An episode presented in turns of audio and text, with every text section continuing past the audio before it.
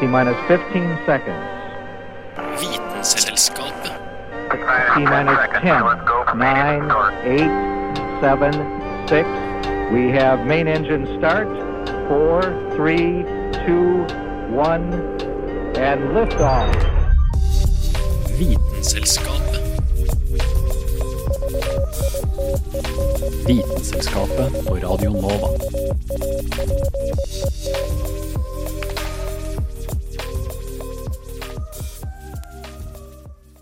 Fra jorda vi går på, til dyrene og teknologien som vi omgir oss med.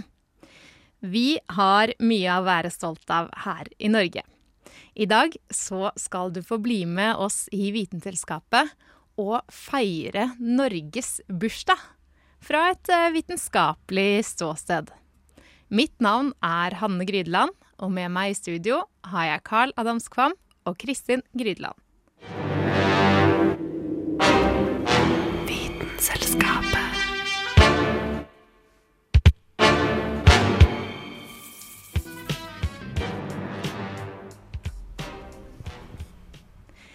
Carl, eh, jeg nevnte dyr. Det er vel et, eh, et stikkord for, eh, for deg? Ja, dyrene våre er oss jo stolte av her til lands, og så har noen flotte krabater rundt omkring. Men det er særlig ett dyr som jeg har tenkt meg ut i dag, da. Som, Ekorn? Ja, det er ikke ikon. Det er dyret som eh, brakte oss hit, til våre forblåste vidder og fjell. Hest. Delfiner. Hvordan kan delfiner For det første, hvilke norske delfiner er det vi har? Jeg bare tenkte på hvis det er dyr som transporterer over hav. Ja, nei, det... Men vi kom kanskje ikke havveien. Men du kan fortsette, du, kan. ja, det, for å påpeke det, da. På den tida så var det ikke så mye hav mellom eh, her og kontinentet.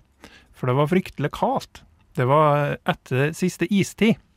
Så begynte det jo å smelte så smått. Eh, og da var det ett dyr som trives der det er kaldt, som begynte å trekke nordover langs med iskanten, som trakk seg tilbake etter forrige istid. Og Er den ikke- stor og hvit? Eh, nei, Liten og brun? Er det ekorn? nei, mellomstor og brun. Brunbjørn? Begynner det på S? Mm, hodyret i arten begynner på S, nemlig simle. Og da ja, nå, Reinsdyr? Reinsdyr er helt riktig. Ah. Villreinen. Å, for et dyr! Eh, og under det siste istid da, så var den jo lenger sør, men den trives jo der det er kaldt. Så etter hvert som isen begynte å trekke seg den nordover, så fulgte reinen etter, og da var det joggu en gjeng med ja, steinalderfolk som syntes at eh, reinen den er så lettvint og fint dyr å ete på at oss følger like greit etter. Og da endte oss jo opp eh, her. Nå fikk jeg veldig sånn bilde av at det var en gjeng med mennesker som liksom løp etter reinsdyret, og reinsdyret løp eh, foran og var sånn ah, 'De slutter jo ikke å følge etter meg, jo', ah. Eller så stopper det litt foran, ser seg bak, nikker og sier 'kom igjen, denne veien', og så løper den videre. Og slik ble Norge oppdaga. Eh, Ja, det, det er en fin fortelling, det, og jeg skal ikke, skal ikke ta fra dere den. Eh, I hvert fall da, så er jo den reinen en fryktelig fin, eh, et flokkdyr, som eh, ja, formerer seg godt og eh, har både mye god mat og har et eh, skinn som egner seg til bruk. Så ja, reinen brakte oss hit nordover da. Og villreinen den er jo også kjent som fjellrein eller tundrarein. Og det sier jo litt om eh, hvor det er en lever i terrenget, da. Fordi villreinen liker da eh, seg godt der det ikke er skog. Eh, Tundra betyr skogløst. Som typisk da er oppe i fjellet, eller langt nordpå. Og oss har ganske mye rein her til lands. Det er ca. 25 000 villrein vinterstid. Eh, De fleste, eller den største ansamlinga, er på Hardangervidda. Der det er en eh, ja, 7000 pluss minus.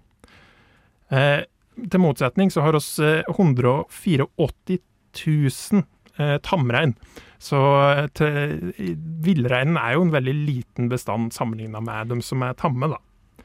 Men oss har jo de ville som da flakka rundt i fjellet. De er ikke bufaste, de liker å gå rundt og se hvor de finner mat. Eh, vet dere hva de et? Lav. Helt riktig, reinlav. Og lav er jo da en eh, pussig organisme, akkurat som mossa. Det er delvis en sopp, og delvis en algeaktig sak, som da soppen bruker til å få i gang fotosyntese. Fordi soppen klarer ikke å absorbere energien fra sola direkte. Så derfor binder det i hop med ei anna organisme i ei skjønn symbiose, og blir mat for reinen etter hvert, da. Så lav er en slags eh, mekanisme, på en måte, som eh, soppen bruker for å eh, leve? Eh, Det er en type En sammenblanding En organisme sopp som de bruker. og eh, Ja, det, det er det du kaller det som soppen og den eh, grønne planta blir sammen, og det er lav. Jeg trodde egentlig det var, var mose. Dette var en ny opplysning for min del. Ja, det er godt jeg kan oppdra dere litt. Eh, og på vinterstid så et eh, reinen for det meste lav, eh, fra 40 til 90% Det kan være det eneste de får å ete på. Så lav og rein, det henger tett i hop. Eh, Villreinen lever jo da på fjellet, eh, fra nord i eh, Dovrefjellene og i Forholdhogna, helt eh, sør til Setesdalen eh, Ryfylke. Og eh, de traska da rundt, og nesten hele den europeiske villreinbestanden er da den norske. Så Norge er jo da veldig kjent for rein. Eller det er ganske særegent for Norge. Men vi er jo også kjent for å være fullt av fjell og også stein. Så da skal vi gå litt videre fra deg, Carl, eh, og høre litt om bergarter som er så typisk norsk som det går an.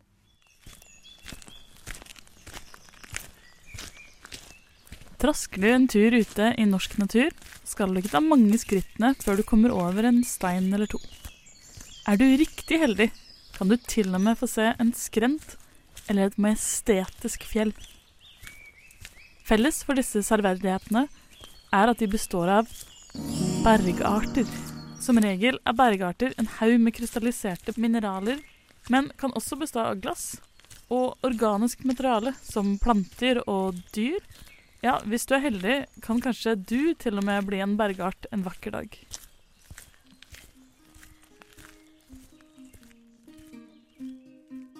Før vi går inn på en av de særegne bergartene vi kan finne rundt om oss i landet vårt, må vi først forstå oss på de forskjellige typene bergarter som finnes.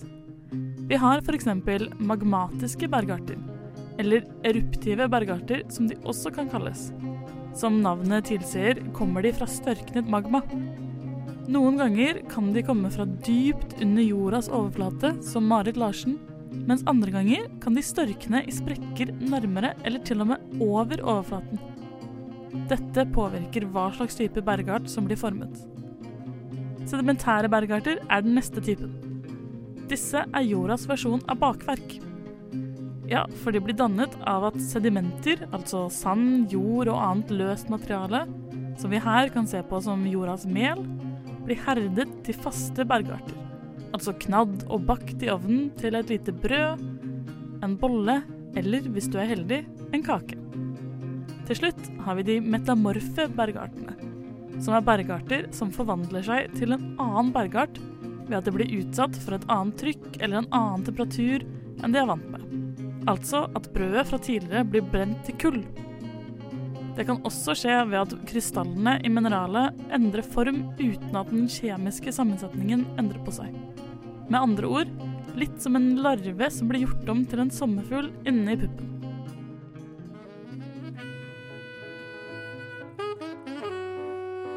I Norge er vi så glade i stein og mineraler at vi til og med har vår egne nasjonalbergart.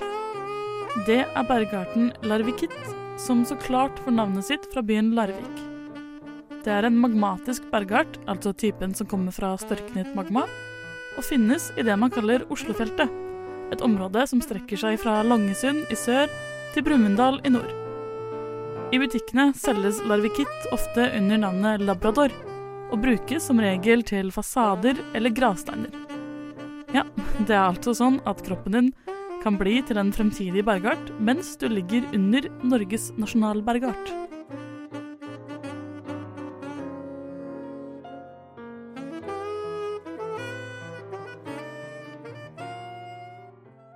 Denne saken var laget av Julianne Li Fjell. Hæla i taket med Vitenselskapet.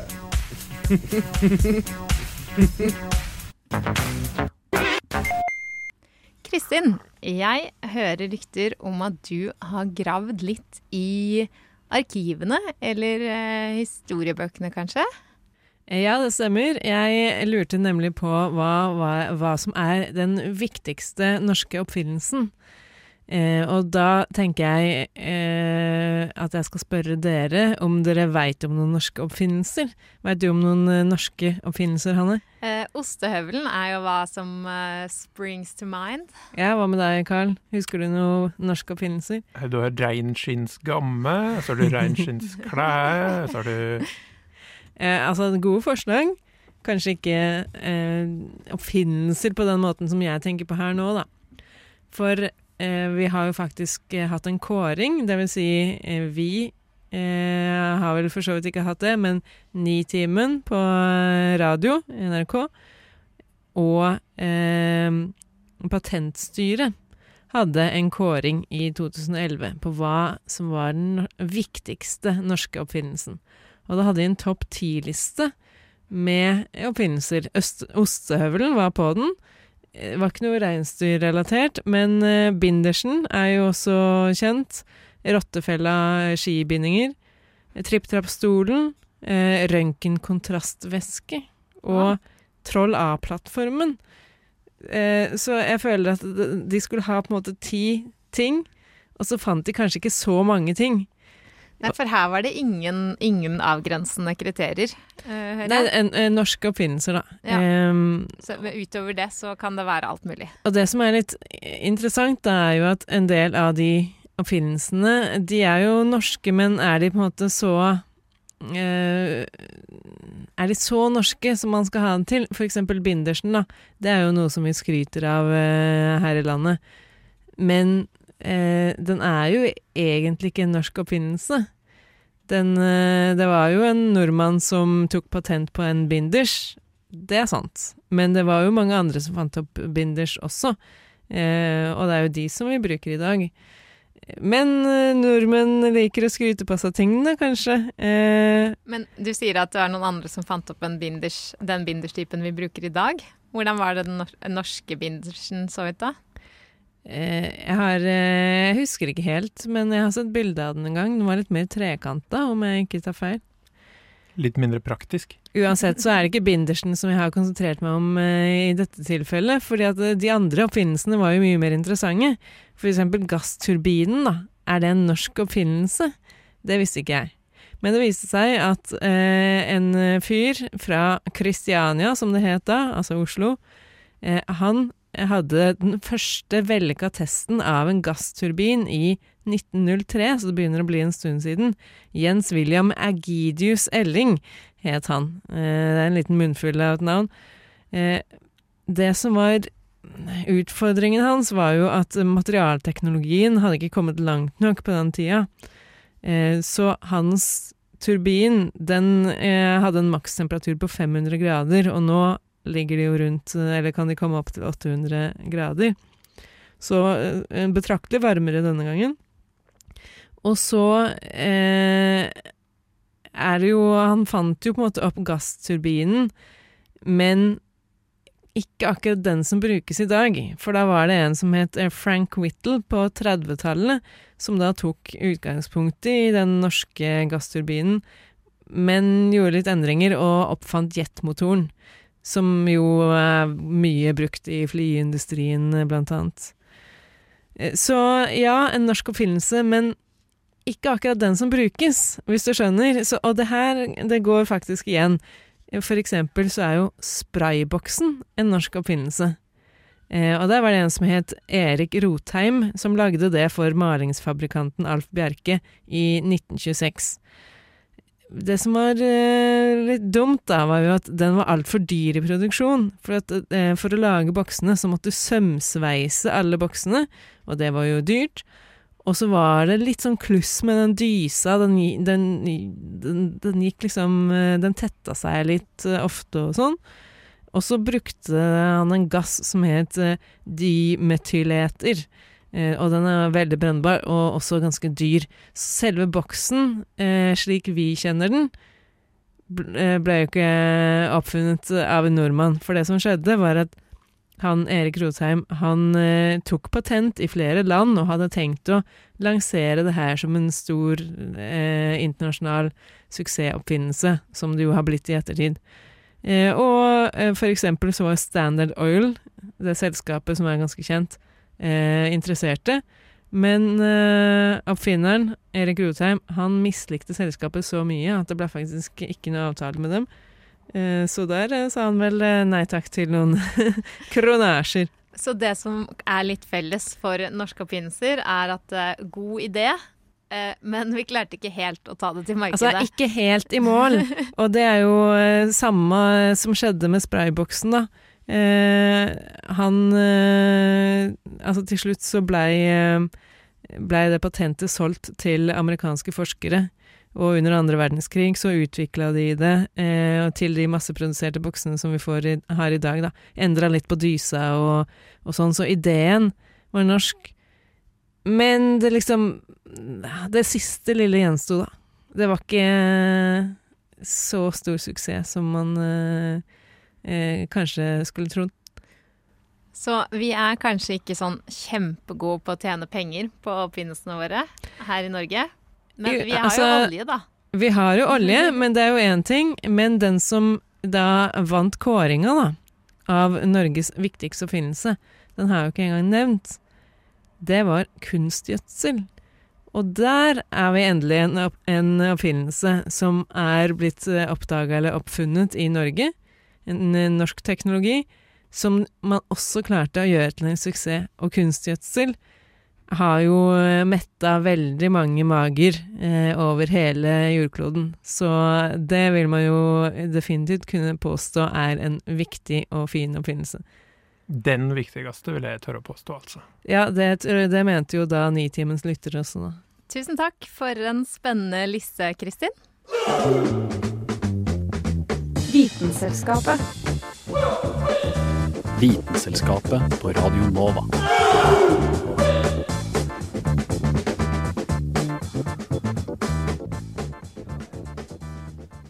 Fra ting som er funnet opp, til en som fant ut av ting.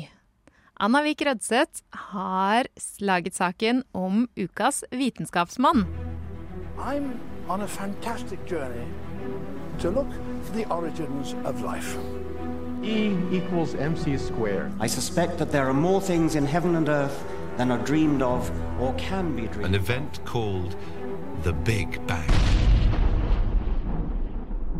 Ukas vitenskapsmann.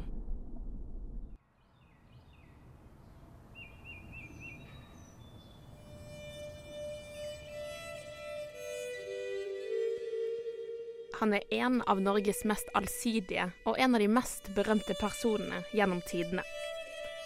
For å bli dette, så har denne mannen selvsagt en imponerende CV.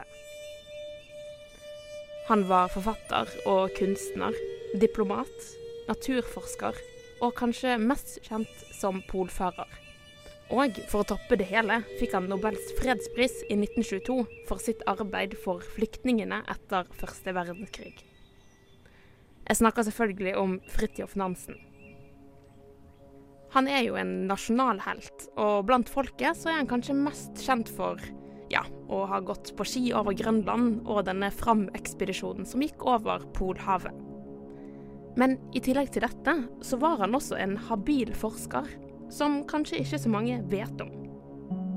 I 1882 ble Nansen ansatt som vitenskapelig assistent ved Bergen museum.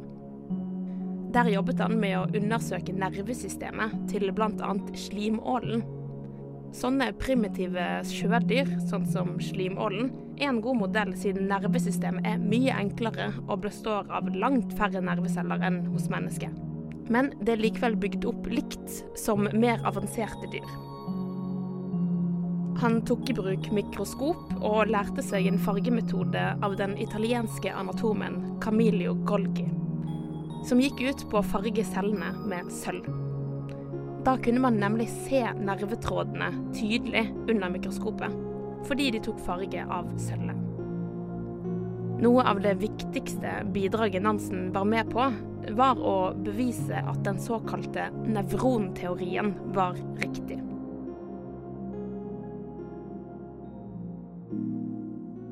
På denne tiden var man allerede klar over at det var elektriske impulser som ble ledet gjennom nervetrådene, og som var grunnen for at nervesystemet fungerte. Samtidig så trodde man at alle disse nervetrådene var direkte tilkoblet til hverandre. Dette viste Nansen, som den første gjennom sine undersøkelser, ikke stemte. Men at hver nervecelle var omgitt av en membran uten direkte kobling til andre celler og med det bekreftet han nevronteorien. Dette her var jo ikke bare bare på den tiden, for hvordan kunne disse elektriske impulsene bli ledet gjennom systemet hvis ikke nervene var i direkte tilkobling til hverandre? I dag så vet man at disse forbindelsene mellom nervecellene eksisterer gjennom kjemiske stoffer som vandrer fra en celle til en annen, og på denne måten holder de kontakt med hverandre. Hele sju år etter Nansen sin første publikasjon om dette, så fikk Camilio Golgi og den spanske anatomen Santiago Ramón Cayal nobelprisen i medisin for den endelige bekreftelsen av nevronteorien.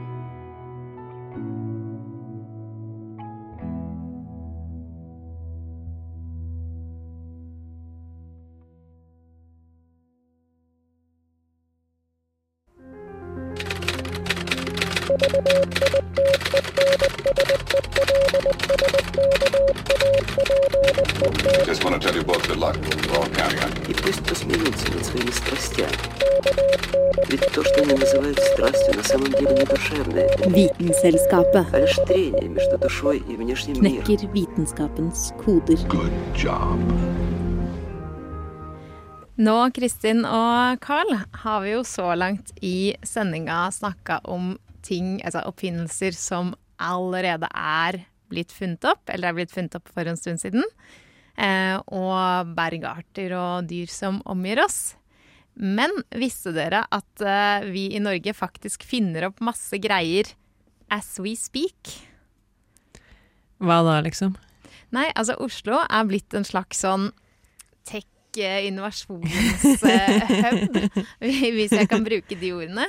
Eh, Det veldig Helst ikke bruk de ordene. Nei, eh, men det er veldig, veldig mange nye selskaper som starter opp eh, både i Oslo, men også i Norge for tiden. Og da er det særlig oppfinnelser innen IT eh, som, eh, som er på bordet, da. Ja, er det ikke gode ideer som skal bli den nye oljen?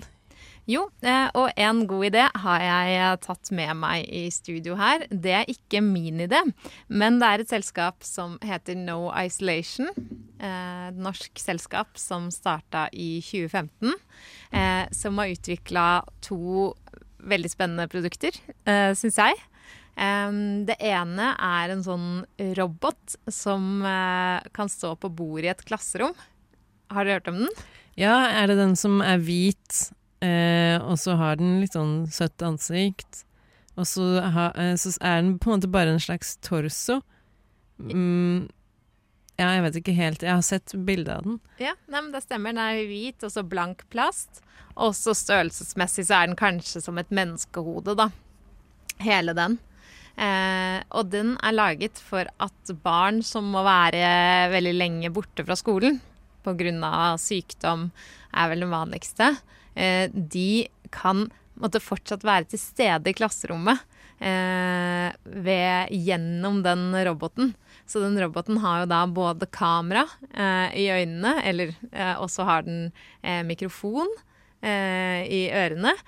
Og så har den også en høyttaler, sånn at barnet kan jo da både se og høre og eh, snakke med i klasserommet, da.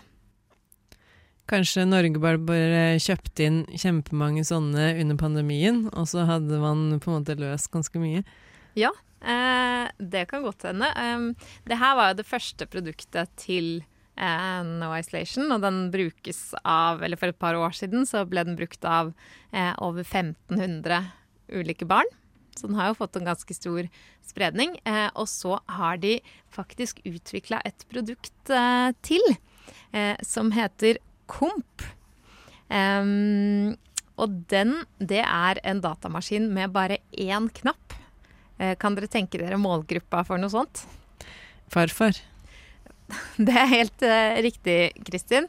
Eh, eldre mennesker sliter jo også ofte med um, isolasjon. Eh, og faktisk så var det sånn eh, Det var en undersøkelse som ble gjort i fjor, eh, som viste at eh, over 50% av eldre mennesker over 75 år, de hadde ikke eh, snakka, ringt eller hatt noe videosamtale over internett de siste månedene. Um, sånn at det er veldig mange eldre som ikke, kanskje ikke helt mestrer den eh, kommunikasjonsteknologien vi bruker i dag, da. Som først og fremst er smarttelefonen. Det tror jeg vi eh, på en måte alle kjenner noen som ikke er så god på smarttelefon.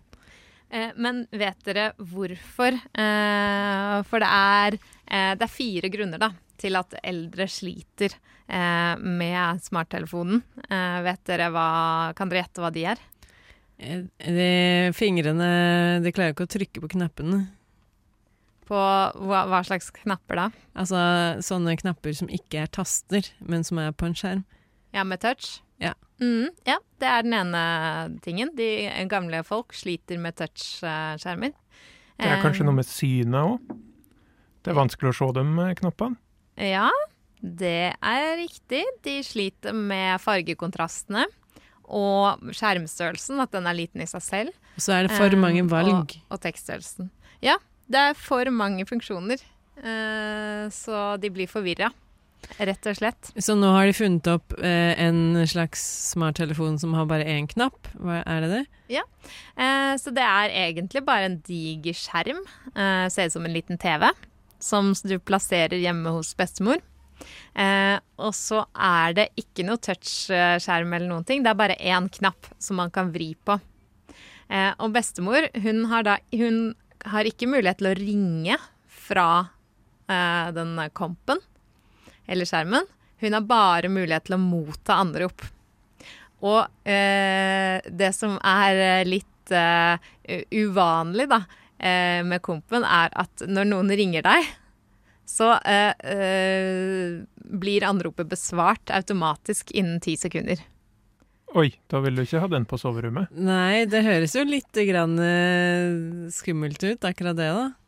Ja, jeg vet jo at disse No Isolation har jobba masse med personvernet. Eh, men det er kanskje greit å ikke sette den på soverommet, eller eh, kanskje heller ikke på baderommet, eh, når jeg tenker meg om. Man har mulighet til å avvise samtaler, da. Heldigvis. Innen ti sekunder. Hvis det er en 90-åring som ja, må stavre det ut. så, men det er veldig mye spennende som rører seg i Norge, så kanskje vi blir flinke til å både finne opp ting og få dem ut i markedet framover.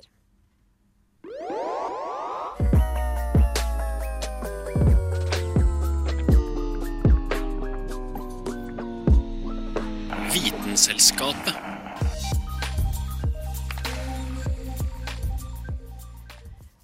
Tusen takk for at dere var med oss i Vitenselskapet i dag og feira Norges uh, bursdag. Hipp hipp hurra! Eh, de som hurra og hoiede uh, menneskene med meg i studio, var Kristin Grydland. Og Carl Adams Kvam. Mitt navn er Hanne Grydland. Og du kan høre på Vitenselskapet når du vil, i eh, den podkast-appen du vil. Eh, eller du kan høre oss på Radio Nova neste uke.